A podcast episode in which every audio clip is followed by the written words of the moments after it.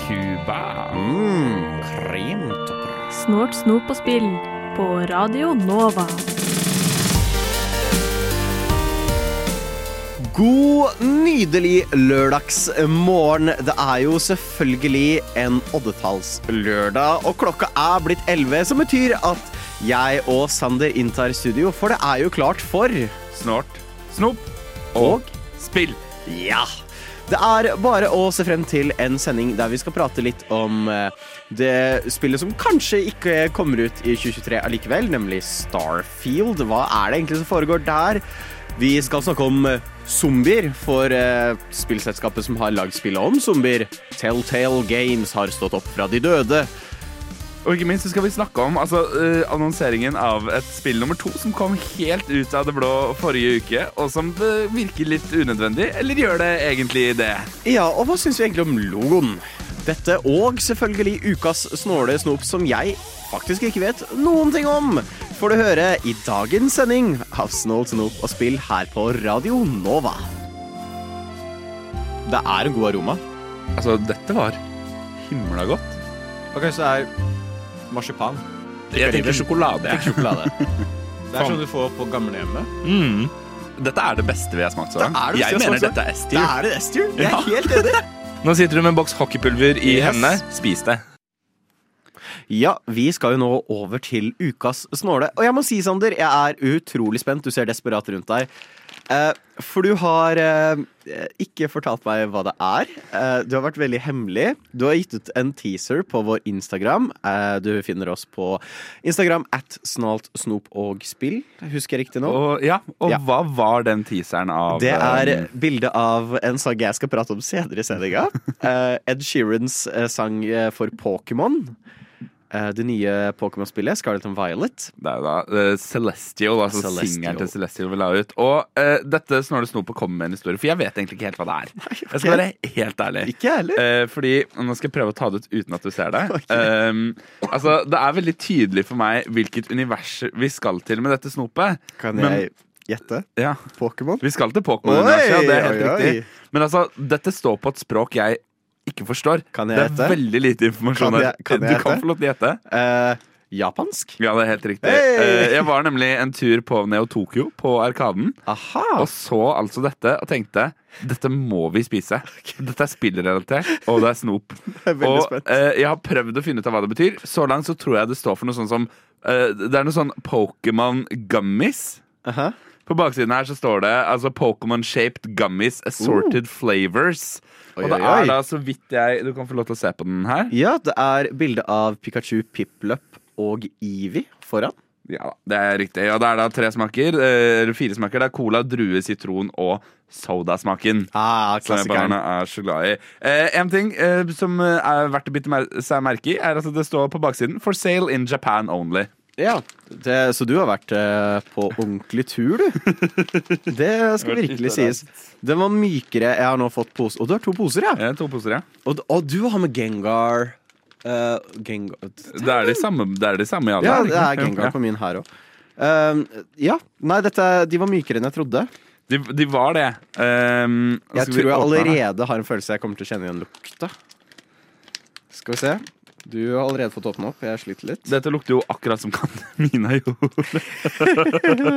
Dette lukter Det lover jo godt. Vet du hva det lukter? Uh, Jeg syns det lukter Long Long Man. Oh, for å ta det- den referansen. Okay, men det, det lover veldig godt. Jeg får faen ikke posen opp. Skal vi bytte? Ja, I got it. Å, det lukta sterkt, ja. Og så var de mye mindre enn jeg trodde. Jeg, Jeg liksom håpet føler- veldig, når du veldig godterier. Stapper nesa di uh, i liksom rengjøringsavdelingen på butikken. Det er, eh, det er litt den vibben jeg får. De var knøttsmå. De var bitte små. Ok, men ok, fordi det her Selvfølgelig, vår kjære lytter får ikke med seg dette, men de er faktisk helt sinnssykt detaljert. De er formet etter Pokémons, i hvert fall. Ja, nei, men det er ikke bare formet, det er streker på de. Jeg, står, jeg sitter her med en Pikachu som har streker på ørene, det har Ja, øyne Ivy også har øyne. Det er faktisk helt sykt detaljert, eh, men er det like detaljert i smaken? La oss teste. Jeg prøver meg på en uh, gul Ivy. Jeg har også tatt en gul Pikachu. Smaker ikke stort. Du smakte sitron, da. Ja, altså det, det er godt. Ja. Vet du hva? Det her var ikke så dumt. Ok, Jeg har lyst til å prøve meg på en cola også. Jeg har tatt en soda. Men det smaker ikke så Det er mye. Det er ikke smakeksplosjonen jeg forventa, men igjen, jeg føler dette var sånn godis jeg føler jeg kan spise uten at jeg føler meg dritt. Ja. At det er sånn Jeg føler ikke jeg har fått i meg masse sukker. Jeg føler jeg har spist litt eh, gode vitaminbjørner. Og så er den veldig enkel å bare slenge i kjeften. Ja, vet du hva? De her Nam, var ikke, nam. de her var ikke dumme. Jeg, jeg er overrasket i Jeg er vel- positivt favør. Samme her. Veldig, veldig stor fan. Eh, og for de som sitter hjemme nå og lurer på hvor havner de på vår vitenskapelige og patenterte Patenterte. ikke ta oss til retten eh, på det. Um, ve- følg med utover i sendinga, så kommer svaret mot slutten. Jeg må hente meg inn, for jeg Det, det ble veldig fnisefest borte hos deg veldig fort. Ikke fnisefest, vi snakker full ut latter. Eh, jeg har en eh, kompis av meg, shout-out til Eirik, eh, som kan japansk. Men det kan hende han ikke er våken, så jeg prøver å bruke en app han har anbefalt for meg. Heter DeepL. For Google Translate funker særdeles dårlig på å oversette det meste som ikke er det latinske alfabet. Og hvis du nå lurer på hva det er vi snakker om, så er det da å oversette det som står foran på den posen her. Ja. Ja. Uh, så jeg tar opp posen, tar fram foto, uh, og det den uh, foreslår, er The case of a person bending backwards. Nei, bending over backwards. Um, jeg tviler på at det er det er. Og så vil du jo også da tenke Sander, at det står jo først på toppen her, svær logo. Det er tydeligvis uh, The case of a person bending over backwards. Jeg har med seg ikke tvil. Og så er det jo litt tekst under. Og det ble oversatt til uh, cancer. Ja. Så Fett. hvis du lurer navnet på snopet, så langt er det kanskje The case of a person bending over backwards, cancer. Ja, jeg står for det at jeg tror det er pokergummies det står. Eller et eller annet i den duren. Noe sånt. Ja, noe sånt. Men vi skal faktisk holde oss litt inn eh, i verden av Pokémon. Vi skal over til mitt hobbyrom. Og da, Sander, kan jo du spørre Stian, hva har du spilt i det siste? Ah, så gøy at du skulle spørre det. Det hadde jeg ikke trodd. Uh, jeg har jo vært uh, relativt sjuk uh, den siste tida. Relativt. Rimelig sjuk. Rett etter forrige sending dro jeg hjem, var i bursdagsselskap, hosta ganske mye. Våkna opp dagen etterpå helt dau. Eh, jeg har hatt korona. Veldig 2020 av meg. I så, know. så peak 2020 altså, å ha korona. Uh, så det har vært veldig deprimerende. Jeg har bare ligget i sofaen, ikke orka en ting, ikke orka å se på TV engang. Uh, og for å gni salt i såret, så har jeg hatt direkte sikt på mitt kjære PlayStation VR2-headset. Som jeg ikke har i det hele tatt orket å bruke. Men det har jeg sagt, men sikkert kom meg litt, og begynte å ta i en kontroller igjen, fordi herregud, det var ikke noe å gjøre, så begynte jeg å gjøre ferdig spill som jeg ikke har gjort ferdig. Ja, stemmer det. Pokémon Scarlet. Og jeg har kost meg veldig mye. Og det er jo eh, litt humoren med at eh, vi hadde Pokémon-snop og teasa denne sendingen med eh, Eller teasa snopet med Ed Sheerans Celestial. Ja. Som er i soundtracket til Det er eh, credit-sangen. Eh, så når du var ferdig med Jeg satt der, ble ferdig med spillet og sånn Wow, det var veldig Er det Ed Sheeran? Hæ? You see tonight it could go either way. Celestial. Eh, og Forhåpentligvis blir du ikke tatt for copyright eh, strike på det. Eh, Nei, det vi vet vi høres ut som Ed Sheeran. Eh, jeg ser jo ut som Ed Sheeran også. Altså. som Ed Sheeran, så. Nei, ja, endelig, etter å ha spilt Scarlet and Violet, så stoppa jeg opp rett før For de som kjenner til Pokémon, Ligaen. eh, eller Siste boss. Mm. Lite visste jeg hva slags eh, acid trip av en videre historie jeg hadde i vente når jeg bestemte meg for å gjøre ferdig dette. Eh, jeg vil si uh, Scarlet Violet, ja, det har sine graphical problemer. Grafikken kunne sett bedre ut, men jeg tror de har gjort så godt de kan med tanke på lite tid. Uh, Gamefreak er ikke et stort team. Eh, de som lager spillene, og så å si alle de som lagde de gamle Pokémon-spillene, sitter nå og lager UIs, altså bruker uh, interfaces, Ja. fordi ingen av de kunne 3D-design. Men de ble jo tvunget til å lage 3D-spill Ja. når den tiden kom. Så det er, det, det er en tragisk historie for en annen dag. Men jeg syns de har gjort en god jobb. Altså, for å si det sånn, hvis vi tar vekk disse remakene som de har lagd, altså når de har lagd spill på nytt Hvis vi ser bort ifra de, så er dette det morsomste jeg har hatt det med et Pokémon-spill siden Black and White 2 i 2012. Oi! Eh, jeg syns det er briljant. Jeg syns de virkelig har stått opp. Eneste stedet det skuffer meg ganske mye, er online-funksjoner. Der er fortsatt X og Y, eh, som er nå ti år gamle, står fortsatt sterkt.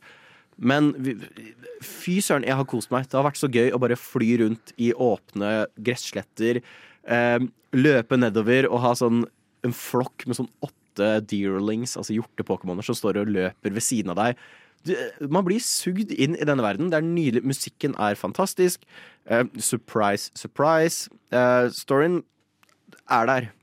Men altså, altså Pokémon-spillene er vel ikke akkurat kjent for å ha den store, gripende, dramatiske historien? Du sier det, men uh, de har hatt et par ganske gode. De prøvde veldig hardt i Black and White, Mm. Uh, hvor de kritiserte eh, Lagde litt selvkritikk på seg selv, hvor de tok opp tematikken Er Pokémon egentlig Dyremishandling? dyremishandling? Og Og det er, liksom? ja, det er hele plottet til det spillet.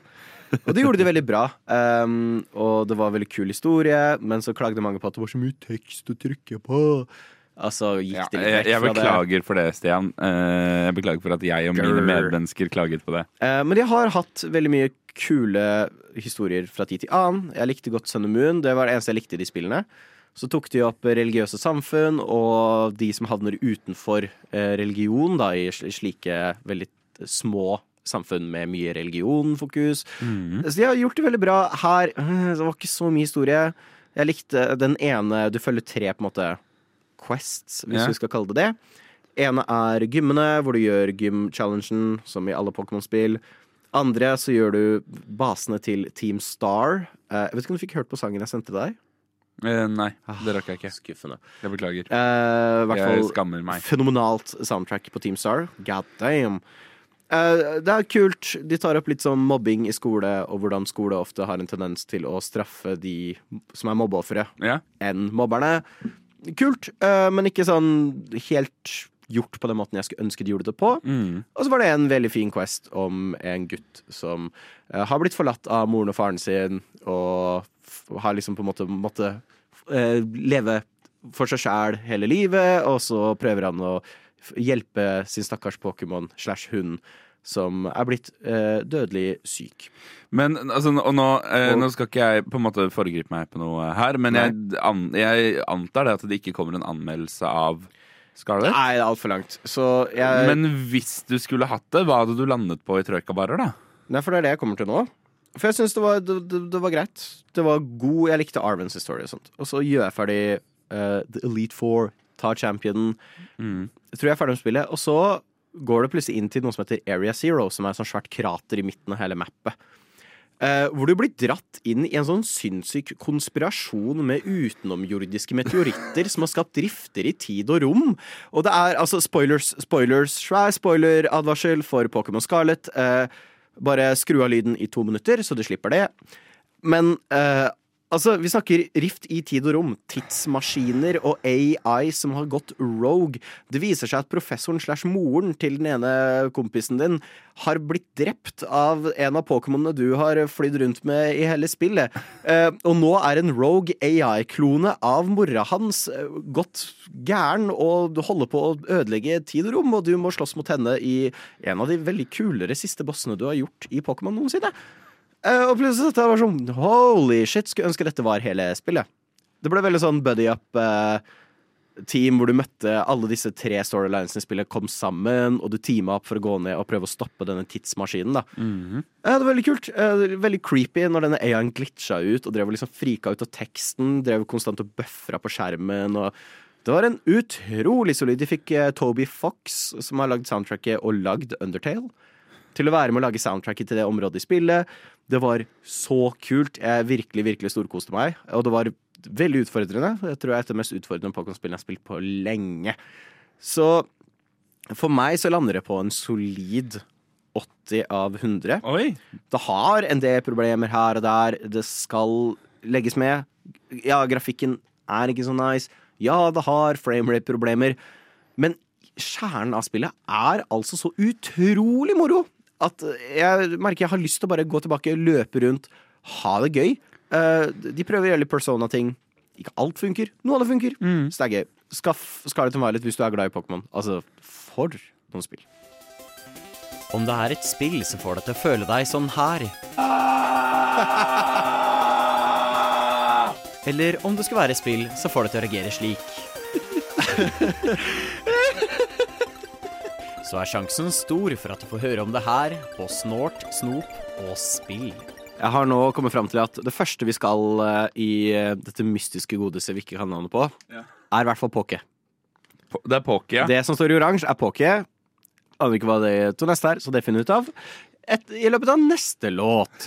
Men eh, ut av mitt hobbyrom, vi åpner opp døra inn til ditt hobbyrom. Hva har du spilt siden sist, Sander? Du, Stian, jeg har faktisk hatt Altså, jeg tror kanskje det hobbyrommet jeg nå skal fremlegge for deg, er et av de mest send hobbyrommene jeg tror jeg har hatt i hele mitt liv. Det er ja, lenge siden sist Ja. Det det er lenge siden sist jeg liksom bare virkelig sittet og Altså maks chilla så jævlig med spill som det jeg har gjort nå i det siste. Mm. Uh, og det er, det er uh, det, tre spill jeg har lyst til å fremheve. Ja. Jeg har spilt eh, Jeg spilte jo sist sist, så hadde jeg spilt A Little To The Left. Eh, lot meg fortsette på den bølgen og spilte da eh, Unpacking. Oh, ja, ja! Som er et helt fantastisk Det spill. Det er, spill. jeg, jeg har null, null negativt å si om det, annet enn at de folka eier for mye ting. Ja, ja, ja. Annet enn det, null negativt å si om det. Marie Kondos eh, verste mareritt av et spill, tror jeg. Og så ble jeg så jeg, jeg, jeg, var så jeg var så på den bølgen da jeg var ferdig med det, at jeg spilte et annet spill som også er Som har fått veldig gode kritikker. Det eneste de på en måte trekkes for, er at det er for kort. Og det er spillet Assemble With Care. som er. Det er, no, eh, det er et slags novellespill. Altså Det er en historie som foregår i på en måte tekstelementer i en slags lydbok. Og så innimellom der, altså hvor du da spiller en eh, kvinne som jobber som reparatør, altså som reparerer ulike duppeditter, som kommer til en by hvor det skal være matfestival, og så hjelper hun de som bor i denne byen, med å fikse ting.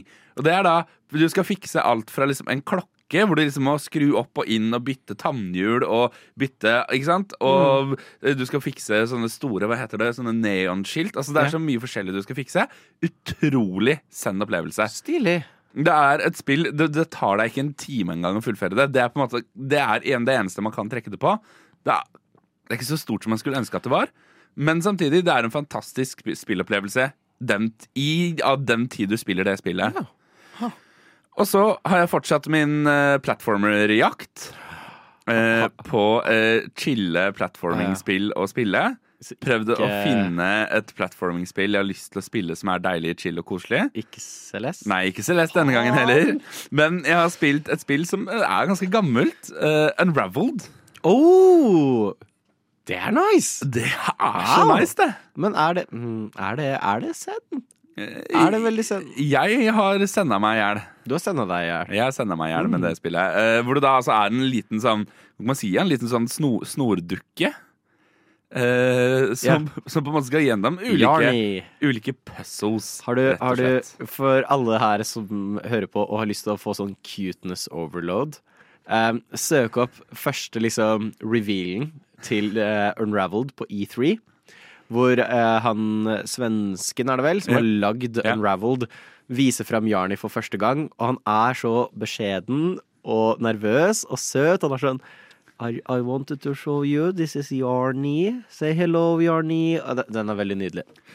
Og så, ettersom at jeg hadde hatt det så koselig og kost meg så med disse Zen-spillene, så tenkte jeg at la meg ødelegge alt sammen. Jeg var på brettspillkveld i går. Uh oh. uh, og hvilket brettspill tror du ble lagt på bordet som vi spilte? Nei, det fins jo bare tre brettspill, så det er jo lett å gjette seg fram til. Um, basert på at det ødela alt, så kanskje stigespill? Uh, oi, denne her. Uh, det ble uh, mye tunge diskusjoner. Mye skriking. Mye 'Ja, men det er jo ikke meg, sier jeg!' Så med andre ord, stigespill. Ja, Mm. Eller Secret Hitler, da, som det også heter. Eh, og uh, uh, Secret Hitler altså, Det er jo da basically uh, alla liksom mafia og werewolf alle disse spillene her. Det er noen som er fascister og noen som er liberale, og så skal de liberale prøve å ta over. Så, ja, det, det sier seg selv. Også kalt twitter.com Ja. til dags dato. Men, og dette er et tips Å spille Secret Hitler mens man drikker noe godt, Gjerne i voksenbrusform. Fordi alt blir så ut, alle følelsene dine ligger så utrolig utapå kroppen. Og det er sånn, På et tidspunkt der så satt jeg sammen med min eh, beste venninne Lise og ba henne om å sverge på vennskapet vårt på at hun ikke var fascist. Og sånn, satt liksom sånn Hvis du skuffer meg nå, så er ikke vi venner lenger. For du tror vennskap betyr noe for fascister. Det er veldig søtt og naivt av deg, Sander. Veldig søtt. Eh, Men jeg har vært inne i et eh, annet spillhull også. Er det Celeste? Du kommer ikke til å gi deg før jeg har spilt Celeste. Nei. Nei. Det er ikke Celeste denne gangen heller. Ah. Men det er et annet uh, spill, og et spill som har uh, fått meg til å sitte igjen med følelsen av ja, men Hvorfor har vi ikke mer av dette? Nå er jeg spent. Og dit skal vi straks. Ja. Jeg står her nå med tidligere president av Nintendo i Amerika, nemlig Reggie. Nå, Reggie, er du klar for eh, Snort, snop og spill her på Radio Nova? My body is ready. Nå er jeg vanvittig spent på hva det er dette spillet som tydeligvis ikke er verken Persona, Celeste, uh, Bioshock, uh, um, Red Dead Redemption 2 uh, Nei, nei, Nei. nei. Hva, hva er dette mystiske muskedingsen-spillet, Sander? Eh, vi må rett og slett begynne før vi kan prate om denne mystiske muskedingsen. Så må vi begynne med et lite sidespor. Oi! Eh, fordi forrige helg eh, så hadde jeg en ganske sånn rolig helg, og jeg ikke følte helt for å spille. Jeg litt sånn, var litt lei, jeg var litt ferdig. Eh, så jeg bestemte meg heller for å legge meg på sofaen og se på noe film. Eh, og jeg ser veldig lite film. Jeg ser veldig mye TV-serier, og så ser jeg ganske lite film hvis jeg ikke ser det på kino. Uh, men så uh, bestemte jeg meg for Hei, husker du den filmserien som var kjempefet da du var sånn ti, og du bare ikke klarte å komme over den? Du vet Pirates of the Caribbean-filmene? Ja. Så jeg binga alle Pirates of the Caribbean-filmene på en helg og storkoste meg. Og fikk da altså unlocka et lite minne bak, langt, langt bak i hodet mitt til et spill vi spilte eh, da vi var yngre, Aha. som var Pirates of the Caribbean Online. Eh, som altså var et eh, massive multiplayer online game. eh, hvor du var pirat. Du eh, plyndret. Du eh, angrep skip. Du oppgraderte gear. Du oppgraderte hovedkvarteret ditt. Altså et ganske typisk liksom, uh, MMORPG-spill. Um, Hvordan har jeg aldri hørt om dette? sitter du nå og googler det, eller er det fortsatt på det snålete oppe? Uh, en blanding. Um, men i hvert fall, det var et helt sinnssykt bra spill, så jeg var liksom litt rundt og testa. Selvfølgelig ble jo serverne for det steng spillet stengt for uh, fem år siden eller noe sånt nå. Ja, ja, of course. Um, men da kom jeg plutselig på et annet piratspill Ok. som er gøy. Jeg vet hva du har spilt. Ok, hva har jeg spilt? Du har spilt Sea of Thieves. Nei. Å ja. Never mind. Jeg tar det tilbake. Jeg har spilt spillet som av mange påpekes som et av de beste i denne serien. Spillet som eh, oppfordret utviklerne til å få lyst til å lage et spill som, tar i, som går ut av denne serien, men som tar i bruk de samme mekanikkene. Et spill som nok en gang nå har blitt utsatt. Jeg har spilt Assassin's Creed 4 Black Flag. Åh, bl- oi, ja. Og altså, Black Flag er så bra! Ja, Sånn, ja, ja, De har det der modern day-greiene day-greiene og sånn. Men altså, mekanikkene, måten du føler deg som en ekte pirat i det spillet, er så bra. Og det har fått meg til å stille spørsmålet hvorfor er ikke dette en liksom sjanger eller en tid eller en type spill som er blitt laget mer av? Hvorfor vi har tonnevis med liksom fan, sci-fi fantasy-spill, sci-fi, vi har liksom eh, vanlig medieval-spill, vi har liksom altså krigsspill. Vi har ikke nok piratspill. Nei, øh, jeg tror, og jeg antar, at grunnen er øh, Ubisoft. Ja. Eh, for Ubisoft har lagd en del. De lagde jo Black Flag. Ja. Så ga de ut et eh, annet et, som jeg tror var kun på PS Vita, om jeg ikke tar feil. Mm. Som du nå får tak i på alle konsoller. Som var Åh, gi meg navnet. Vanguard, lurer på om det kanskje heter. Og så har du jo implementert den mekanikken på nytt igjen i Odyssey. Mm. Og så har de jo holdt på å, la å lage Skull and Bones. Skull and Bones, og det har vært i, holdt på i evigheter med å lage. Men så kom Seal Thieves ut, og jeg tror de på en måte ødela litt for Skull and Bones.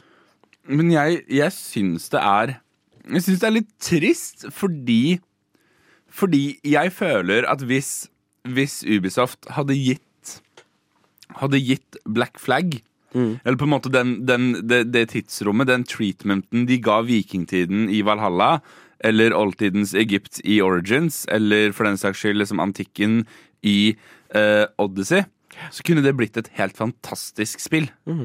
Altså, i- i- jeg, jeg, jeg, jeg skjønner ikke Jeg skjønner ikke eh, Selvfølgelig skjønner jeg eh, hvorfor det ikke har skjedd. Det har skjedd det til Skull and Bones. Det kommer aldri til å komme. Vi kommer aldri til å se dritten av det. Men jeg føler at eh, Assassin's Creed 4, Black Flag, det er jo for det første ranka som et av de beste Assassin's Creed-spillene ever. Er All bra. over. Mm. Eh, det er dritbra. Bortsett fra det at de fortsatt er veldig opphengt i den der moderne tidslinja si. Uh, som jeg jo Du vet, den beste delen av Assassin's Creed. Jeg føler det er den minst upopulære meningen man kan ha i spillbransjen. Det føles ut som en sånn uh, reklamepause i spillet. Det gjør det. Sånn, vi stopper i din scheduled programming for å vise deg moderne mennesker prater sakte samtidig som de går i kjedelige kontorbygninger i nå to timer. Hei, velkommen. Vi skal nå lage et spill For de lager jo et spill i Black. Flag.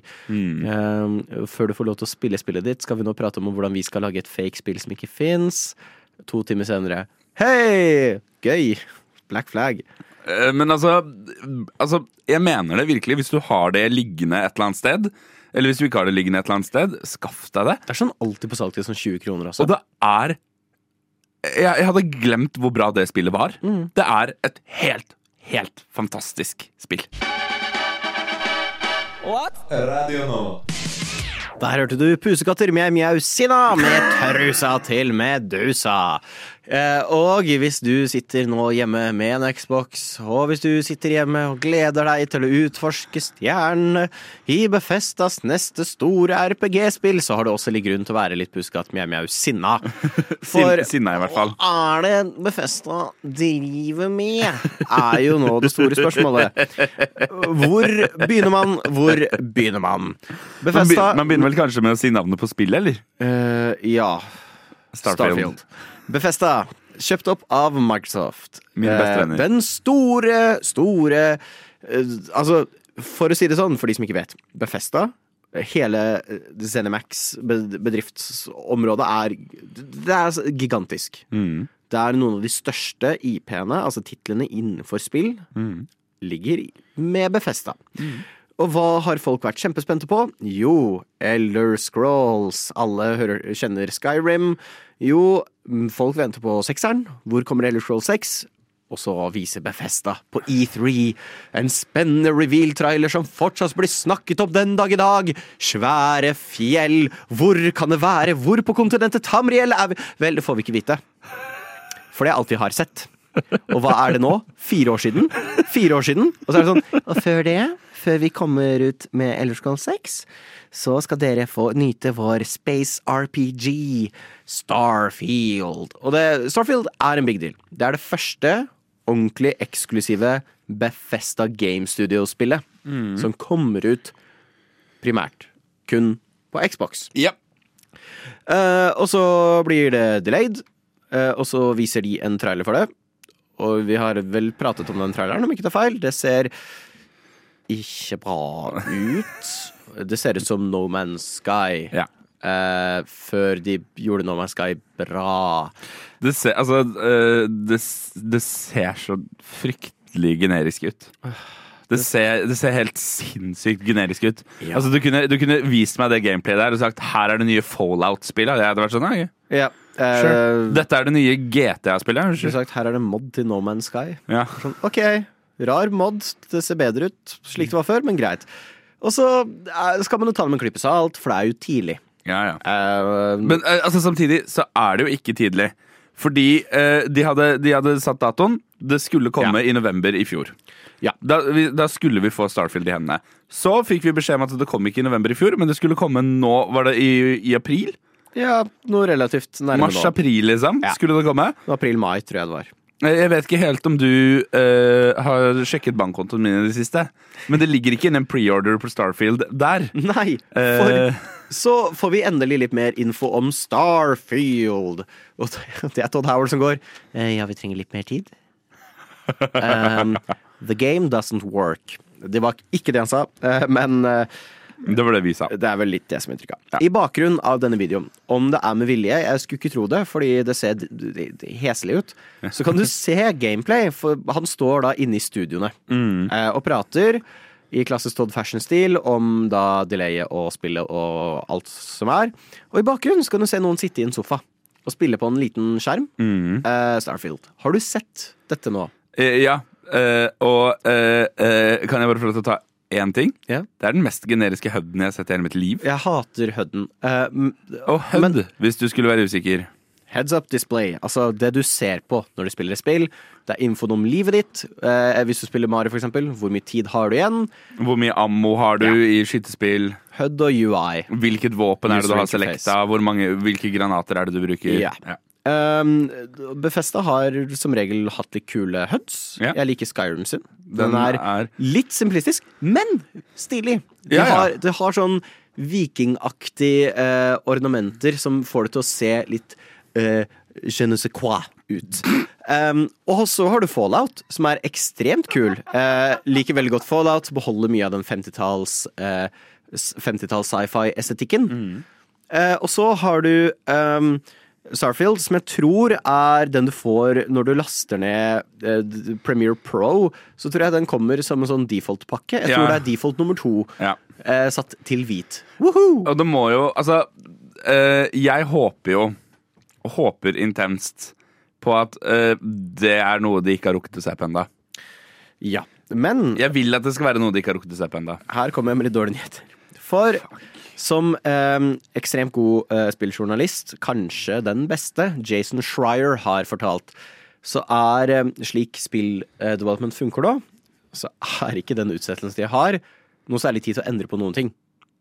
Eh, så det er nok en sånn Det er liksom bugfixing, på en ja, måte. rett og slett en sånn siste eh, bare OK, facelift. Men, Fikse litt her og der, ordne opp i litt krasjer osv. Ja. Du Men- rekker opp hånda. Det funker fint på radio. Uh, ja, men det, da, uh, poenget med at jeg rekker opp hånda, er at da ser du det, men ikke lytteren. lytteren. ja, ja. Fram til du forteller lytteren at jeg rekker opp hånda. Velkommen på skolebenk. Uh, men jeg, jeg har et litt sånn hjertesukk rundt dette. Ja. For jeg har de siste årene blitt mer og mer positivt innstilt til utsettelser. Ja, Utsettelser av spill er av det, det er noe av det vakreste som kan komme, fordi at det betyr hei, vi, vi har dette prosjektet. Vi vet vi har dette prosjektet. Dette prosjektet vil vi at skal være så bra som mulig for at du skal få nyte det så mye som mulig. Vi klarer ikke å få det til innen den tiden vi har satt. Vi trenger mer tid. Se på Hogwarts Legacy. Fikk en, ut, øh, en utsettelse.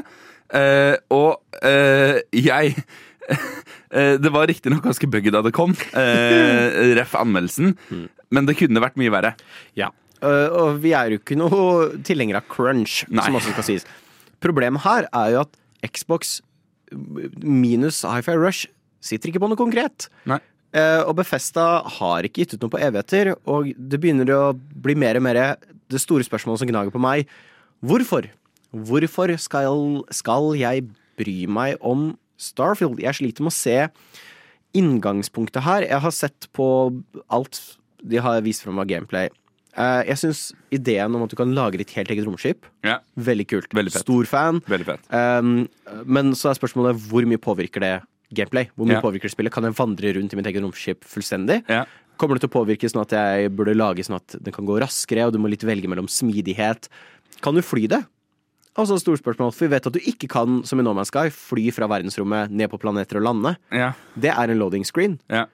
Så igjen, hvor mye får jeg da gjort med dette egne skipet? Og hvor, ikke sant? Og, og, også sånn, hvor stort er dette uh, universet? Er det, altså er det snakk om seamless flying i rommet mellom x antall ulike planeter? Å, gjett om det er x antall ulike planeter.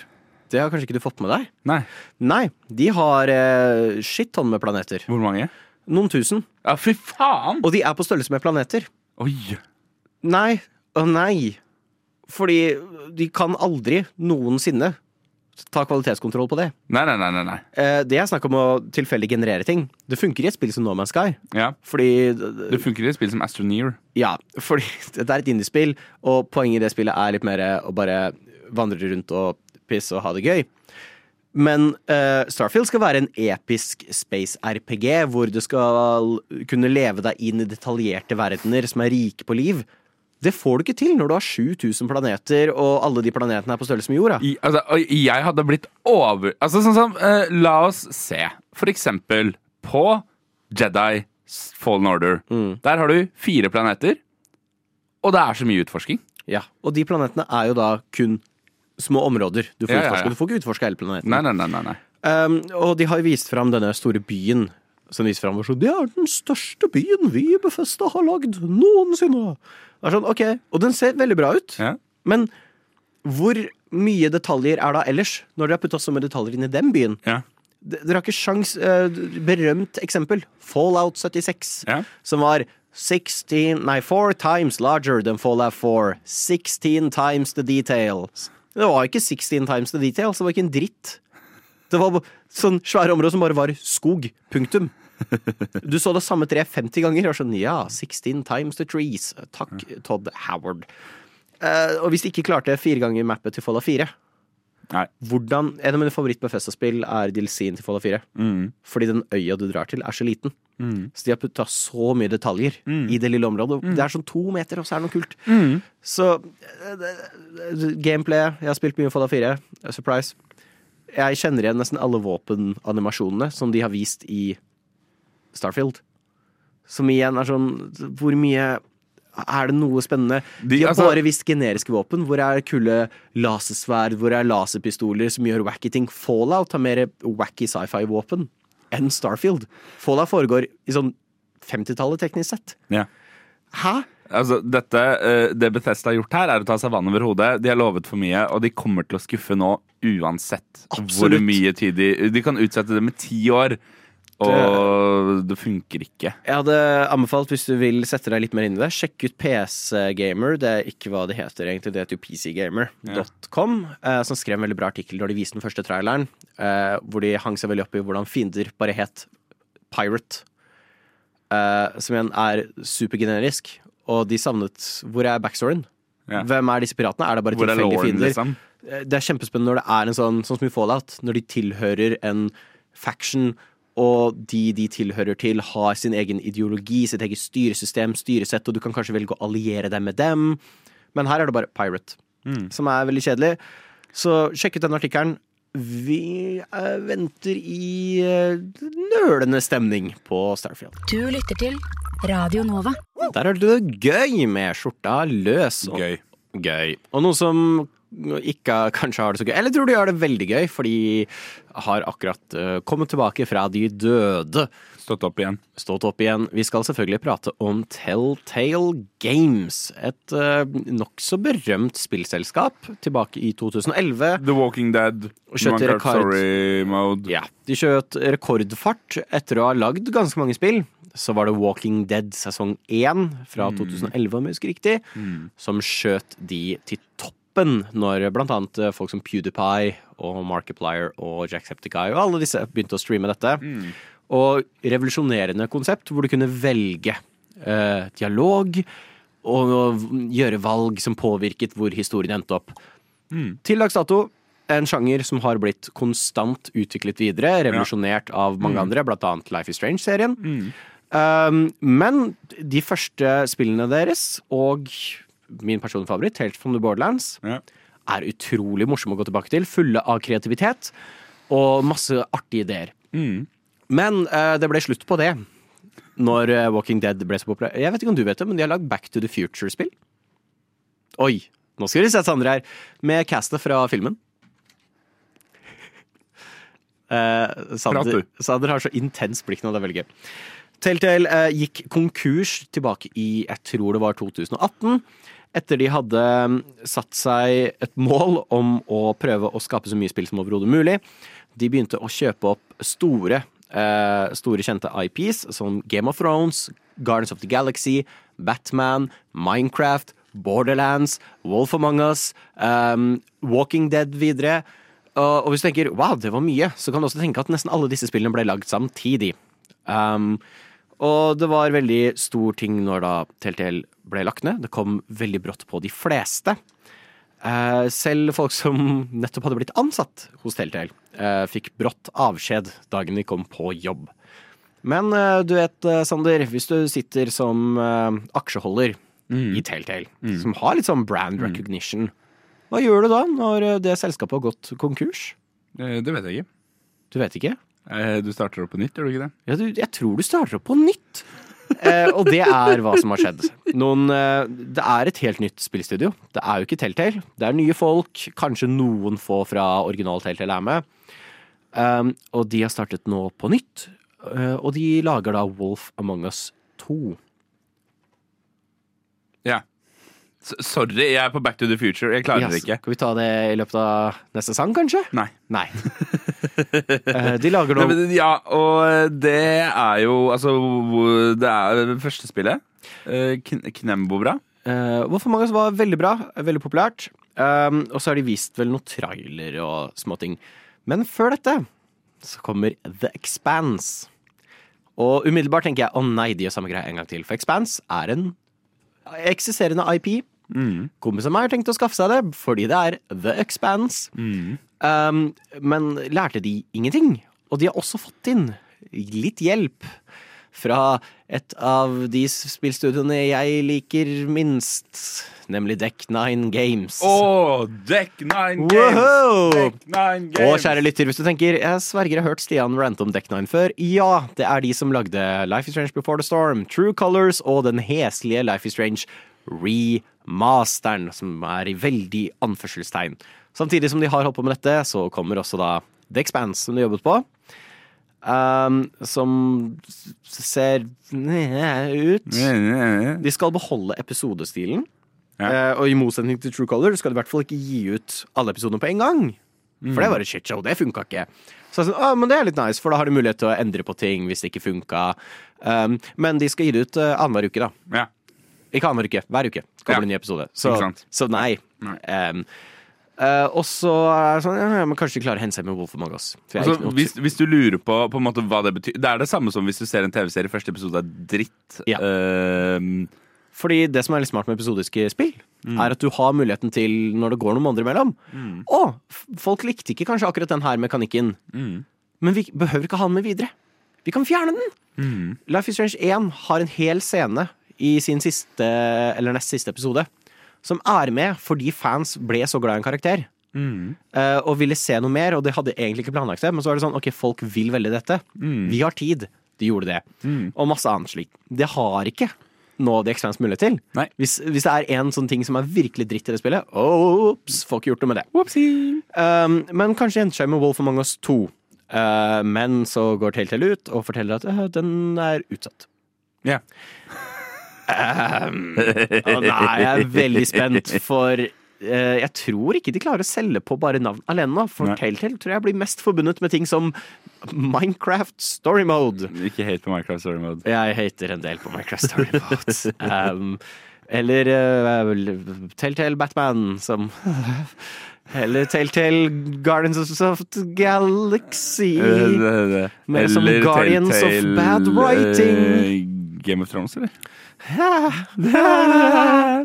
Så jeg er veldig spent. Jeg håper, jeg håper de fortsatt på en måte Hvis de klarer å holde essensen i live, og de er flinke til å nå la sine ansatte leke med prosjektene, eh, eksperimentere og innovere, så satser jeg på at dette går bra. Men eh, de er, det er en røff start de har foran seg.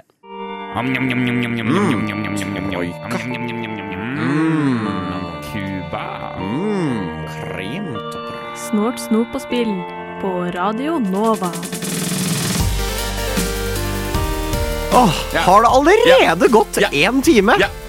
Ja. Det der kledde Ja. du ikke Ja. sa- spesielt godt, Ja. eh, Sander. Men humøret er i hvert fall på topp, og det er det viktigste. Vi eh, fortsetter videre over i den beryktede time to. Ja. Timen der alt Særdeles, kan skje. særdeles beryktet. Hvem vet? Vi vet faktisk, for vi sitter her med sendeskjema. Vi skal selvfølgelig prate om det spennende nye spillet som eh, du er veldig spent på, Sander. Eh, Et av dem, i hvert fall. vi kan vel si navnet City Skylines 2. Absolutt. What? Vi skal innom et spill som du er eh, mindre spent på, Stian. Persona 5X Phantoms of the Night. Jeg er litt både og. Veldig overrasket, for å si det mildt. Og kan Life by You ta ned kongen slash dronningen slash monarken av Life Sim-spill? Vi skal nemlig til Life by You versus Sims. Det er jo en eh, gavepakke av en time som ligger foran deg i den beryktede time to. Og vi skal selvfølgelig også fortelle hvor vi plasserer vårt eh, kanskje nye favoritt av Kappa Pokémon-hode godteri. Um, vi skal nå over til litt mer uh, tragiske nyheter. Jeg uh, gjør meg klar for å lenge meg før uh, jeg skal opp tidlig på sending nå i dag. Yep.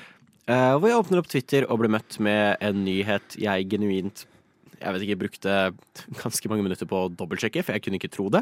Um, eh, elsket skuespiller og stemmeskuespiller Lance Reddick er død. Um, døde 60 år gammel.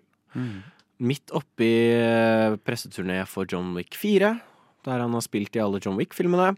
Men han har også spilt en god del elskede spillkarakterer. Eh, Blant annet er han veldig kjent som Commander Savala inne i Destiny.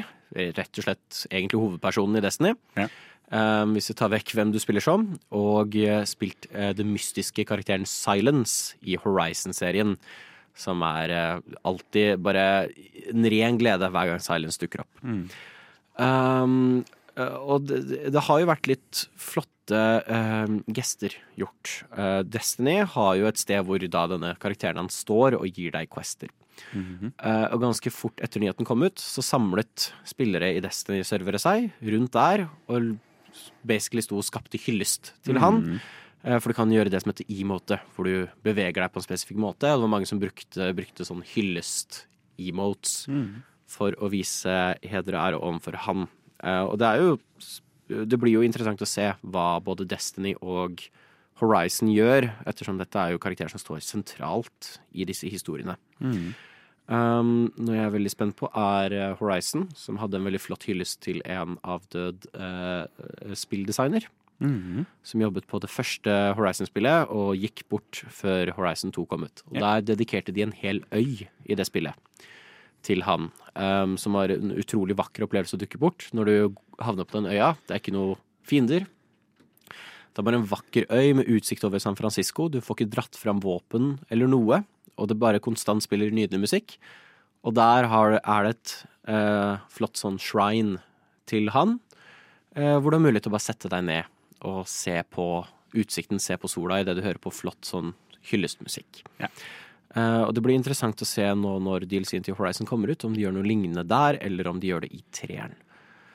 Du uh, Kom det noe spørsmål på deg òg? Uh, altså, jeg fikk jo et eh, screen av deg i går. Altså et screenshot, et såkalt skjermdump av eh, dette. Eh, og det eh, Hva kan man si? Ja, det, det, det var litt sånn samme stemningen som da dronningen døde. Altså dronning Elisabeth. Ja. Hvor du bare er litt sånn What the fuck? Bare en enda Jeg syns det var ordentlig tragisk. Jeg syns Lars Reddick er en fant, var en fantastisk flott fyr. Um, jeg syns han alltid brakte 110 til hver gang han dukka opp. Og var, hver gang jeg hørte stemmen hans, var det sånn oh, Det er Lance Reddick. Yes! Nå er vi inn for en treat. Uh, så det er, det er veldig tragisk. Uh, grusom nyhet. Um, men flott eh, engasjement fra Destiny-spillerne, Destiny-fellesskapet. Eh, veldig flott. Søk opp bilder og videoer av det, for det er, det er veldig Det er rørende. rørende. Eh, og så er jeg spent på å se hva som blir gjort videre. Forhåpentligvis så får han en ordentlig god hyllest. Du Du Du hø hører På På Radio Nova. Det er jo ikke akkurat en hemmelighet her i Snåsnå på spill at eh, et av mine favorittspill er Persona 5 Yep. Royal. Yep. Eh, Persona 5 Royal eh, har en del spin-off-spill. Mhm. Det har eh, det veldig nydelige rytmespillet Persona 5 Dancing. Um, og Persona 5 Strikers, som er en god fortsettelse på historien til Persona 5. Eh, hver av disse har hatt annerledes sjangere. Uh, det, det er fun. Du har altså Persona Q2 New Cinema Labyrinth. Nå føler jeg du sitter og ser på Back to the Future. Jeg gjør ikke det. Jeg sitter og hører på deg. Ok, faen, jekk deg ned. Um, og så, plutselig brått, uh, annonserer de et nytt Persona 5-spill. Mm. Uh, sånn ut av intet. Um, på kinesisk. Uh, og for de som ikke vet, Persona 5 er ikke kinesisk. Det er lagd i Japan. Foregår i Japan. Mm. Uh, og som heter Persona 5X, Phantoms of the Night. Ja. Eh, jeg vet ikke helt hva jeg tenker om det. Det er et mobilspill, Mm. først og fremst. Eh, Primært. Men her er mitt problem. Det ser bra ut. Det, for jeg, når jeg tenker mobilspill, tenker jeg uh-oh. Um, spesielt um, i Asia er det veldig populært med det som kalles gacha games. Mm. Um, for de som ikke vet hva det er, så er gacha ergo gachapon, som er kjempepopulært. Um, hvor uh, vi hadde det før her i Norge. Det finner du noen steder, men det er uh, kapselmaskiner. Hvor du putter på 20 kroner, du vrir, og så detter ut en kapsel med et eller annet inni, og du vet ikke Ja. hva det er. Basically. Ja. Det er veldig populært med denne type spill på mobil, hvor du uh, betaler en sum, og så får du det som kalles en draw. Og da dukker det opp kanskje en karakter eh, som du kan bruke, eller noe annet stuff. Eh, og det kan være noe kjempebra, eller det kan være noe dritt. Kjempepopulært. Andre gode ord for Tydeligvis har de altfor mye disposable income. Um, så med en gang dette eh, mobilspillet, lagd av et kinesisk selskap, som way har det mest sånn eh, eh, totaliære navnet på et spillselskap noensinne. Så det heter Perfect World Games. Eh, så, så tenker jeg umiddelbart at det kommer til å ha sånn gacha pengesug-greie. Men så ser det jo fuckings bra ut. Ja. Det gjør jo det, det, det ser jo ut som Persona. Ja, da bruker musikken fra spillet. De har ikke vist noe originalmusikk, eh, men fortsatt, musikken til spillet er kjempebra. Har samme artstil, og ikke bare det. Den, han character-designeren til Persona 5 har lagd de nye karakterene, som er mm. protagonisten, som har kodenavnet Wonder. Mm. eh, en ugle som heter Luffy, eh, med kodenavnet Cattle. Mm. Og eh, eh, Arai Suva, og hun har kodenavnet Closer. Som også, De er dritkule! Sånn, jeg digger designet på det. Jeg digger eh, alt de har vist. er sånn, Det her ser sjukt bra ut. Det er akkurat stilt til Persona. Grafikken er insane. Hvor kommer pengeaspektet her? De har ikke vist noe som helst av uh, sånn gacha-systemer. Eh, de har ikke sagt om det kommer hit. Um, det foregår samme sted som Persona 5. Foregår i, ja, i Tokyo. De har vist flere av områdene fra originalspillet. Jeg tror det foregår noen år etter spillet. Um, og ikke bare det, men uh, de har fortalt oss om gameplay. Ja. Eh, og her er det som tar kaka, for det er gameplay til Persona 5. Eh, det er ikke sånn «Åh, d- d- Velkommen til eh, Gi meg ett av de der dårlige spillene som alltid er sånn eh, I have 50 million power in the Rise of uh, Kingdom. Shadow Raid Shadow Legends. Raid Kingdoms. Um, what? How did you Immortal. get 50 million? Og så er det sånn masse gameplay som ikke faktisk er ekte gameplay. Og det ser shit ut. out as Egypt, which made me perfect to do some harvesting. Men her er det sånn Du har et daglig liv med hvor du drar på skole. Du kan gjøre aktiviteter rundt omkring i byen etterpå. Blant annet sånn fisking, arkade. Dette, dette, det- Dette er så jævla Det er palasser. Det er så jævla fake. Nei, men det, Nei, nei, nei, nei, nei, nei, nei. Sti, Stian, Stian min Ja. gode Nei, nei, nei, nei, nei. jeg tror du misforstår at dette er ikke fra uh, de som har lagd Rise of Kingdoms. Men dette er fra Atlas og Sega. Mhm. Er med på dette. Eh, det er så Alle screenshotene Det ser genuint ut som de kunne ha gitt ut på PlayStation. Men hvor- er catchen? Det er det jeg lurer på! Hvor er, there's no det, such thing as a free lunch. Det er det jeg sliter med her. Hvor er catchen? Castet til Persona 5 er med. Det har de vist. Um, det, det, det bare Det er, må, Hvor er haken? Eller annet sted der er det en eller annen drawback. Vi, bare, er- vi bare finner den ikke. Og det, her er det verste. Det er free to play. Nei! Ah. Men hvor, hvor er pengeelementet? Hvor, hvor kommer lommeboka mi til å dø? Jeg forstår ikke hvordan de kan vise dette spillet som ser så bra ut. Du kunne genuint Du kunne sagt det her kommer ut på PlayStation. Sånn, ja, det gir mening. Jeg skjønner det. Men nei! Det kommer ut på min iPhone. Eller hvis jeg drar til Kina, kommer det på min iPhone. ja, det kommer kanskje ikke på din iPhone. Men det, det er veldig irriterende. Jeg håper ikke det er et sånn eh, pengesugspill. Jeg håper du kommer hit, fordi det ser genuint sinnssykt bra ut. Eh, men det ser jo litt mørkt ut. Eh, men det er veldig, veldig forvirrende nyheter. Eh, forhåpentligvis er det bra. Forhåpentligvis kommer det hit. Persona 5 X Phantoms of the Night. Hvis du har lyst til å google og se på det sjæl, fordi god damn, what the fuck? God damn. God damn, What the fuck. what the fuck?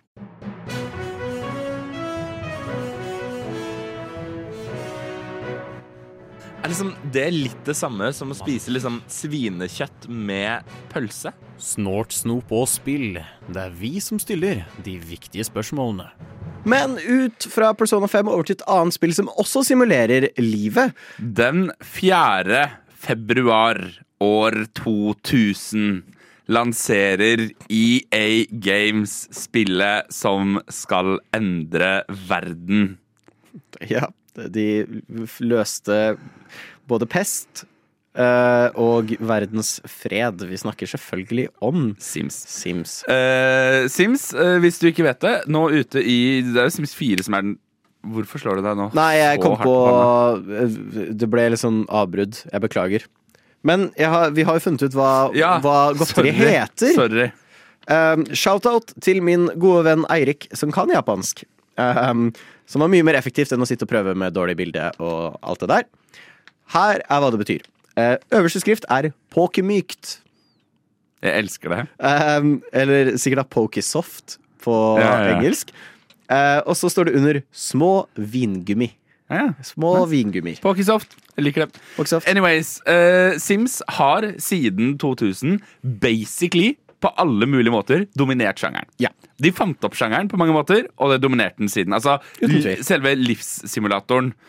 Og eh, det har folk vært uh, Kembo-fornøyd med Kembo lenge. Fram til nå, hvor folk har begynt å bli litt mer sånn iffy overfor uh, Sims-spillene. En ting er måten de pusher, pusher, pusher, pusher, pusher DLC-er. Mm. Altså downloadable content. Altså tilleggspakker, rett og slett. Men jeg skjønner ikke, er du ikke gira på å betale 20 000 for å kunne er få med deg alt du vil ha, Sander? Det er noe med det at du etter hvert ender opp med å måtte punge ut altså, så sinnssykt mye penger for å få tak i på en måte uh, det beste av det beste. tror Sims 3, mm -hmm. med alle dealsene, mm -hmm. hvis du kjøper det separat, skal være et av de dyreste spillene som fins. Helt uh, riktig, faktisk. Mm, og derfor så var det liksom uh, Holdt på å si paradoksalt. Uh, det, er et, det er et kommende ordspill. Um, da Paradox Studios sammen med Colossal Order hadde en, um, hadde en stream for ikke så lenge siden og liksom annonsa en hel del greier, blant annet et spill vi skal snakke om litt senere, men også da spillet Life by You. Life by You, Det eneste vi egentlig har sett av det, er en liten trailer. Det ser ut som Sims, og så kommer det mer info allerede nå på mandag. Kommer det mer info om det spillet her. Eh, de har uh, huka inn eh, Rod Humbo, som har vært sjef for Sims. Aha, Eh, og sentral er i eh, utviklingen av Sims 3 og Sims 2. Og ikke minst Second Life. Oh. Ja, du tok meg to sekunder. Second Life. Vi snakker om samme Second Life. Ja. Vi snakker om OK. eh, som er prosjektleder da, for dette Life by You.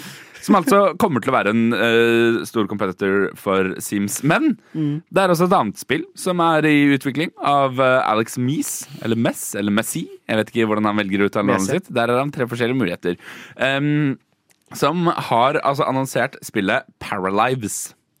Som er Sims, men litt mer selvshaded i artstilen. Ja. Det er det som er Jeg får liksom, meg noen bilder av det. Ja. Slike skjermdumper. slike skjermdumper. Eh, ja, det, det, det så ut som Sims. Det ser ut som Sims. Og det som jo på en måte er det store Altså, EA har jo eh, relativt jaskt utviklet seg til å bli et selskap folk har litt negative konnotasjoner til, med tanke på eh, spesielt eh, Altså, de er ganske kjent for en eh, eh, å, å få deg til å åpne lommeboka di. Ja. Har vært kåret et par ganger til eh, årets verste selskap i USA. Ja. Fun fact. Eh, verdensmester i å deprimerende fakta, men Men det er verdensmester i, å få deg til å åpne lommeboka. Så skal det sies det at uh, Paradox og Colossal Order kanskje ikke heller er verdenskjente for å unngå å la folk åpne lommeboka. Men det er fyren fra Second Life, Sander. Så, you know det, Men det er, jo, det er jo interessant, da, når en sjanger har blitt så dominert av ett spill, Ja. og se på en måte utfordreren komme. Og dette er noe vi ser i andre sjangere også. Se på City-bilderne. Der hadde du SimCity. Fram til de ble danka av tronen Eller de slapp et spill som var en eh, kjempeflopp, og så kom City Skylines inn og tok alt. Se på ehm, på Theme Park, altså uh, Planet Coast Nei, Planet Coaster. Hva heter det? Zoo yeah. Rollercoaster Tycoon. Som også var kjempestort. Helt fram til uh, Helt fram til Frontier kom og knocka dem av linja med Planet Coaster. Og også Zoo Tycoon og Planet Zoo. det som blir veldig spennende å se, eh, er for Sims er fortsatt relativt populært. Jeg tror det fins jo ikke mer prima eksempel på det du nettopp nevnte, som Stardew Valley. Eh, som eh, kom ut av et ønske av eh, han som lagde det. Savnet de gode Harvest Moon-spillene. Syntes det ikke hadde vært bra på lenge, og hadde lyst til å lage sin drømme-farming-sim. Lagde Sardy Valley, utsolgte COD, altså Call of Duty. eh, på det året, som er helt vanvittig å tenke på. Um, så, så det er jo Og det er lett å tenke å, men det er jo bare Sims. Da tar vi dem. Uh, men ah, det er vanskelig. Det er vanskelig å ta en gigant. Det har skjedd, og det er det som jeg syns er veldig gøy med spillindustrien. Mm. Det skjer. Det kommer et spill som Life is Strange, som plutselig slår ut på en måte Telltale Mm. i deres eget spill. Gjør ting som Stardew Valley, som ikke bare slår ut Harvest Moon, men det slår ut Call of Duty. Mm. Hæ? Um, så du vet Au, shit. Uh, Du Oi, nå slår jeg til alt som er i studio. Au! Uh, slår til Sander og Nei, så er jo eh, lett å si at lol, lykke til. Men det, det kan genuint skje. Jeg tror det vanskeligste som de står overfor, er at Sims eh, sin majoritetsbrukerbase Ja. er eh, Og jeg vil ikke bruke eh, begrepet eh, casual gamers, fordi Fuck det. det er gatekeeping. Men det er jo som regel folk som kanskje bare spiller Sims. Som har Sims og et par andre mobilspill, eh, men det er Sims de spiller. Ja. Og jeg tror for å ta Å få de folka til å skaffe seg noe annet, tror jeg kommer til å bli veldig vanskelig. Hvorfor skal jeg gå vekk fra Sims? Jeg kjenner Sims, jeg har spilt Sims i evigheter. Det er Sims jeg spiller, og da også pengene vi bruker på andre spill, bruker jo kanskje de heller da på utvidelsespakker. Ja. Um, så det kommer til å bli vanskelig for dem, tenker jeg, å overbevise sånn majoriteten av Sims spillebase. Men jeg sier ikke det er umulig. Det kan nok fort skje. Det er ikke utenkelig, og hvis det skjer, så er det en gigant som blir vippa av tronen. Lyssna istället till Radio Nova.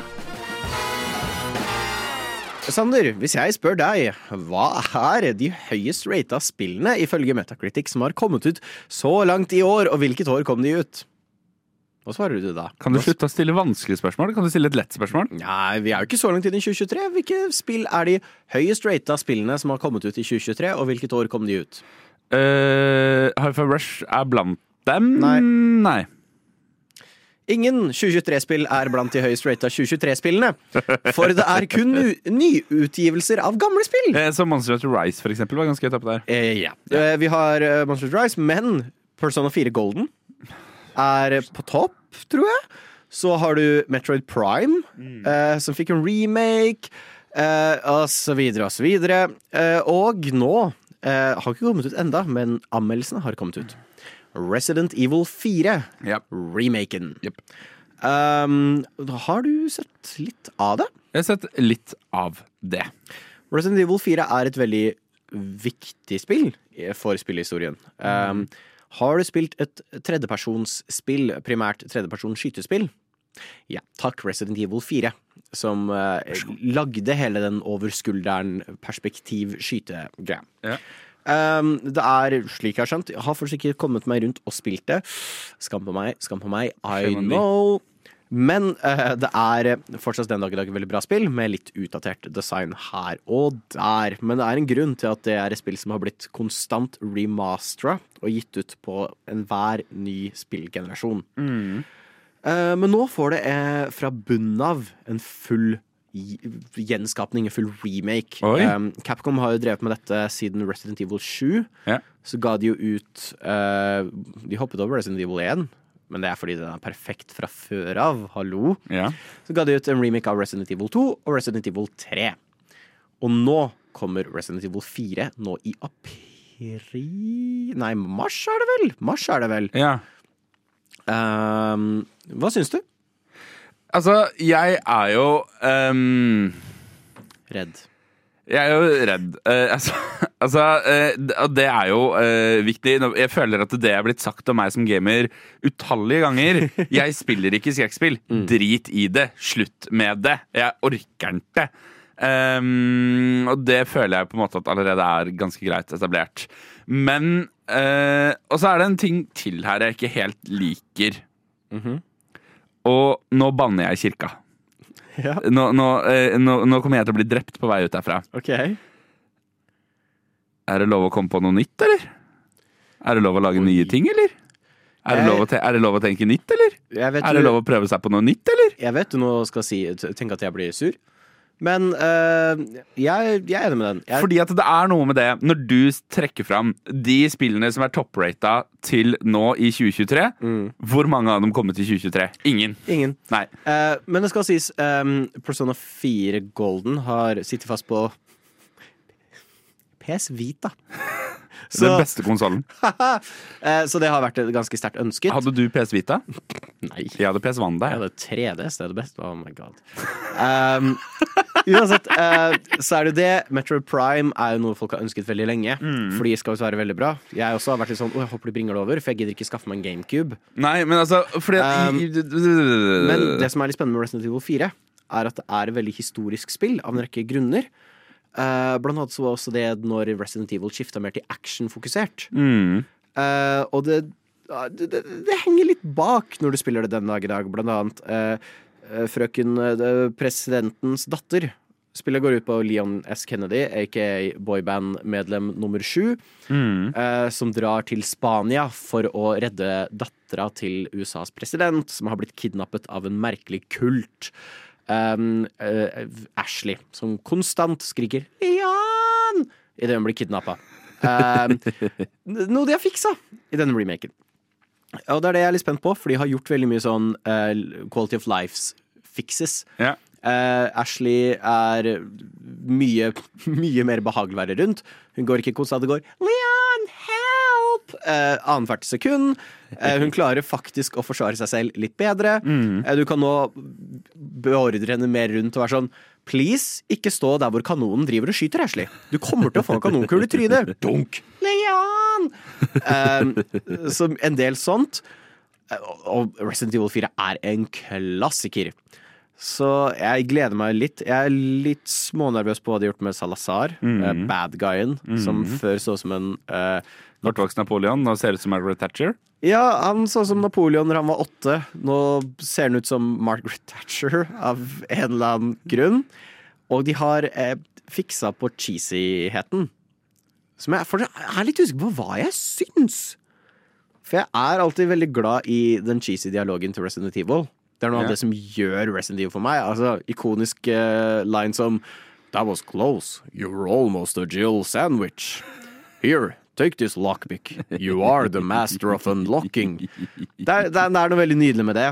Um, og en del av den attituden til Leon har blitt litt borte. Men det skal visst være en solid remake i samme samme engine som de gjorde de andre, og Resident Evil Village. Mm. Uh, og det ser sykt bra ut. Det blir jo bare helt sinnssykt uh, spennende, egentlig, å se. Veldig. Så jeg tror jeg vurderer å skaffe meg det. Det er et gratis demo ute. I hvert fall på PlayStation og PS og Xbox. Mm. Det kommer garantert ikke til Switch, Nei. for det kommer til å smelte eh, Switchen din. Da har du en iskrem. Da har du en iskrem. Ja. Eh, Så absolutt. Eh, Og jeg tror det ikke kommer til å være så mye videoer av fulle spillet på YouTube, fordi det er groteskt. Det er Meget grotesk. Ja, ja. Så nei, veldig spent på Resident Evil 4. Um, jeg lurer også på om de kommer til å fortsette å remake disse spillene, med tanke på at uh, Resident Evil 5 og 6 er uh, uh, Hvordan kan man si det pent? Uh, absolutt søppel. Mm. Um, så det blir interessant. Kanskje vi får en Resident Evil 1 remake. Hvem vet? I hvert fall uh, digger hva Resident Evil driver med for tida. Det er veldig deilig å se at de har henta seg inn etter de nesten uh, Ikke gikk konk, det er feil å si, men nesten ikke fikk noe videre spill etter uh, hva enn Resident Evil 6 var, som bare var et dårlig actionspill. Så nei, hold øynene på utkikk etter Resident Evil eh, 4. Enda et av de høyest rata spillene fra 2023, som teknisk sett ikke helt er fra 2023. Men ja, ja, ja. Ja, ja, ja, ja, det må være lov. Det må da være lov. Der hørte du Kniv og gaffel med ka-ching. Og noen som kanskje også har fått for seg ka-ching, det er uh, «Øh, Jeg husker ikke navnet på studio, det er flaut, men hvert fall Colossal Order. Colossal Order, som nå har annonsert City Skylines 2. Det What? er uh, Altså, og dette er um, uh, Jeg satt og scrolla gjennom TikTok, jeg. Eh, for et par uker tilbake. Som man gjør. Som man jo gjør. Eh, og eh, fikk opp en trailer for Cities Skylines 2. Ja. Og tenkte Hæ? Jeg fikk den opp siden jeg er eh, 60. Ja. Fikk jeg opp traileren på Twitter. Eh, tre år etterpå. Ja. Noe sånt noe. Nei, nei, det var på dagen det skjedde. eh, så var det bare eksploderte. Og det var sånn Vent, det kommer det City Skylines 2? Og la oss, la oss ta det først, da, hvis du ikke er kjent med City Skylines-serien. Det er the City Builder. Ja. Altså, se for deg SimCity. Du bygger en by. eh, Jeg liker, jeg liker at vi nå skal prøve å referere til City Skylines ved å referere til et enda eldre City Builder-spill. Kanskje folk har bedre konnotasjoner til det. Eh, men eh, det er bedre enn SimCity. Eh, du får bygge en by eh, og endre alle mulige aspekter, og hvis du eh, punger ut og skaffer deg en del av eh, DLC-pakkene, Ja. så får du gjøre enda mer ting. Det er jo på en måte det uh, største spill fuckings ever, eller noe sånt noe. Og uh, i den sjangeren. I den sjangeren, ja. ja. Um, og nå har de da altså annonsert at det, kommer til å komme et nytt spill. Ja. Eh, og uh, min første tanke mm. da jeg så det, var hvorfor det? Oh. Men, men, men, men, hvorfor det? Fordi Cities Skylines er sånn som Planet Zoo, Planet Coaster, Minecraft uh, Civ, uh, Civilization, altså Sid Meier's Civilization. Det er et uh, base game hvor det har gått uh, stor sport i å utvikle mods selv, i å utvikle altså, tilleggsting selv. Hvis du ser på workshopen, altså det stedet hvor man publiserer mods, liksom de enkleste modsa, til Cities Skylines på da Steam, over 300 000 mods, bygninger, skins, alt mulig rart som er laget til det spillet. De har jo ikke akkurat uh, spart på å lage eget content for å legge til i spillet selv. Nei. Det er uh, 35 så langt DLC-er som har kommet til dette spillet. Som for øvrig, bare for å hive det inn der uh, Da jeg var inne på Steam og sjekka nå, så fikk jeg tilbudt å kjøpe dem til en pris av 2188 kroner. det er penger. Det er penger, det. Jeg hadde motsatt oppfatning. Jeg skulle egentlig litt utfordre deg nå. Ja, For jeg tenkte yes. OK. Um, for uh, City Skylines er kult. Men det ser veldig dritt ut. Det gjør det. Det ser uh, Det var lagd, er lagd på ganske smalt budsjett. Ergo en del DLC-pakker, for de trenger penger for å kunne kunne utvikle mer. Um, og ut fra traileren så ser det ut som de har virkelig piffa opp grafikken. Ja. Det ser ut som det har raytracing og all, alt av disse fancy ordene som vil ergo si flott, pen grafikk. Og det gjør meg litt spent, for jeg tror det kan være veldig kult, eh, hvert fall bare raytracing alene. Kan være veldig kult hvis du bygger skyskrapere av, av glass, og kunne se på en måte sola treffe det, reflektere ned på gatene. Jeg er veldig glad i estetikk. Når jeg bygger by i City Skyline, så er det veldig sånn teit med sånn Å, så skal vi ha en gate her, med en park på emningen der. Men vi ikke ha den parken. Vi har den parken der, for det passer inn i miljøet rundt. Og vi kan ikke ha en vindmølle der, vi må ha det der, for det er mer estetisk pent. Um, så jeg tror det rent estetisk kommer dette å være veldig facelift. Yeah. Og jeg vil nok tro at denne versjonen av City Skylines kommer nok til å inneholde det meste av ting vi så blir lagt til som tilleggspakker i Skylines 1. Eh, med viderebygging. Det er spekulasjon. Det er ikke bekreftet. Men jeg vil anta det, for jeg har ikke fått det inntrykket av dette studioet at de er sånn Å vel, vi gir ut en ny og, og fjerner alt vi la til, eh, sånn at du må betale mer.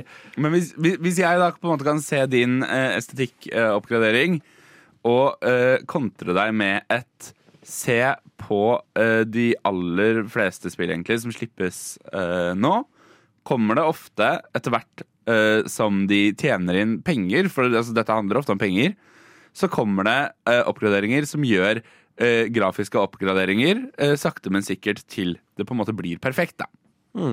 Og jeg tror nok at det samme kunne vært mulig for City Skylines. Altså, don't get me wrong. Ikke negativ til City Skylines 2. Jeg har spilt City Skylines 1 i 500 timer eller noe sånt. Yeah. Jeg kommer ikke til å ikke spille det, jeg kommer ikke til å ikke kjøpe det. Men jeg frykter at det fort kan bli Altså, De har nå annonsert det at det også da fram mot dette kommer. Det kommer mest sannsynlig i 2023. Nice. Fram mot City Skylines eh, 2 kommer, skal Colossal Order slippe tolv nye DLC-er. Ja. Det bringer totalen opp til 47 Det er en DLC-er. del DLC-er. Eh, ja, nei, jeg personlig tør å si at jeg er veldig spent. Uh, originalet er vel laget på Unity. Ja. Um, som igjen gjør det veldig begrenset til hva de kan Ja, ja. gjøre. I motsetning til Minecraft kan du eh, Det er som leire. Du kan leke rundt og konstant endre Minecraft til hva du vil. Ja. City Skylines er mer begrenset, og vi har jo sett, eh, hvis du ser på litt folk som leker seg veldig rundt med City Skylines, skal du, skal du ikke dra den strikken så langt før den ryker. Mm. Um, og det er en del City Skylines som ikke fungerer helt slik det burde, som nei, nei. er veldig utdatert. Er, men igjen, det er viktig å presisere at uh, teamet som lagde dette, var ikke akkurat store når dette ble lagd, uh, som igjen er hvorfor det er en artig suksesshistorie.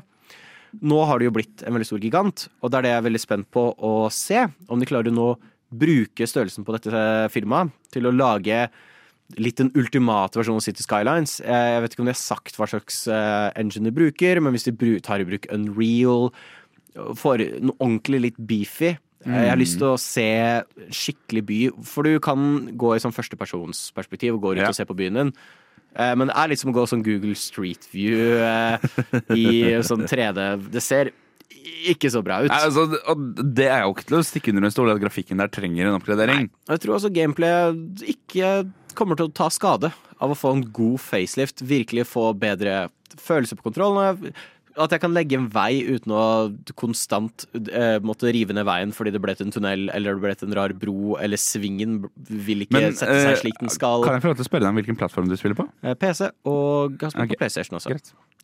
Så nei, jeg tror så absolutt at uh, dette kommer til å bli bra spill. Jeg bare håper ikke at det blir en cash cow. ja, det er det. Jeg håper ikke de Altså, nå har det jo lenge siden City Skylines 1 kom ut. Ja, ja. Um, det som jeg tenker er den største risikofaktoren her, er at de gjør en Sims 4, hvor de gir ut dette spillet, og sånn 70% av alt innholdet fra Skylines 1 bare ikke er der. Ja. Um, men de har ikke på en måte vist nok til at man kan si noe rundt det enda, bortsett fra å spekulere på at jeg tror ikke det skjer. Og så syns jeg jo at det er uh, utrolig forfriskende å se, og kanskje en liten uh, Kanskje et lite spark i ræva til nordisk film. At vi ser eksempel det at uh, City Skylines, Colossal Order, finskt selskap, kjempegiganter på sjangeren. Kanskje man kan begynne å satse litt mer på norsk spill, eller? Jeg skulle til å si et eller annet på finsk, men så jeg at jeg kan, jeg kan ikke finsk. Er det ikke Iksi-Kaksi Kolme? Satan perkele. Ja, eh, Ja. Finsk er Finsk er ikke vår sterkeste side. Det er ikke skal vi ærlig innrømme. Vår eh, sterke side det er i hvert fall snop, og det kommer til snart. Cuba. Mm, Mm. Snort, snop og spill på Radio Nova. Og der kommer vi til eh, det snåle snop-delen. For som du hører, er dessverre sendingen slutt allerede. Kan du tro at det har gått to timer? Nei, jeg kan faktisk ikke tro det. Men vi skal nå eh, vurdere Pocket, eh, pocket Soft eh, vingummi. Jeg digger det. Jeg elsker det. Ja, eh, jeg har blitt skikkelig glad i det. Jeg vet ikke om du ser her, eh, Stian. Nå skal Nei. jeg ta så uh, litt sånn klumsete. uh, prøve Åpne å åpne denne posen. Ja. Uh, og så holder jeg den over hodet mitt. Er den tom? Damn. Ok, For jeg, jeg står litt mellom en A og en S. Jeg er helt enig med deg på at vi skal opp der, ja. Tør vi Eh, si det er kanskje en S-rank? er det en S-tier, altså? Jeg føler jeg kunne gått og kjøpt dette en gang til. Jeg kommer til å gå og kjøpe dette. Jeg en føler det er snacks jeg kan virkelig Eller godis jeg kan spise med god samvittighet. Vi, vi skal opp S, vi. Jeg tror, jeg tror vi skal jeg tror vi skal opp S, Ja. Så der har vi en ny S-rank. Eh, Deler da rankingen sammen med Cuba, eller? Selvfølgelig. Jeg tror det er det. Eh, og hvis du har lyst til å se hele tierlisten, og når den blir oppdatert, følg oss på Instagram, da vel. Der finner du oss. Eh, Snalt, snopp og spill. Selvfølgelig. Vi Så er tilbake, vi er tilbake igjen om to uker. som vanlig. Som vanlig. Så er det bare å vente på å høre podkasten der du hører podkast, og generelt ha en fantastisk fin uker videre. Fine uker. Fine uker!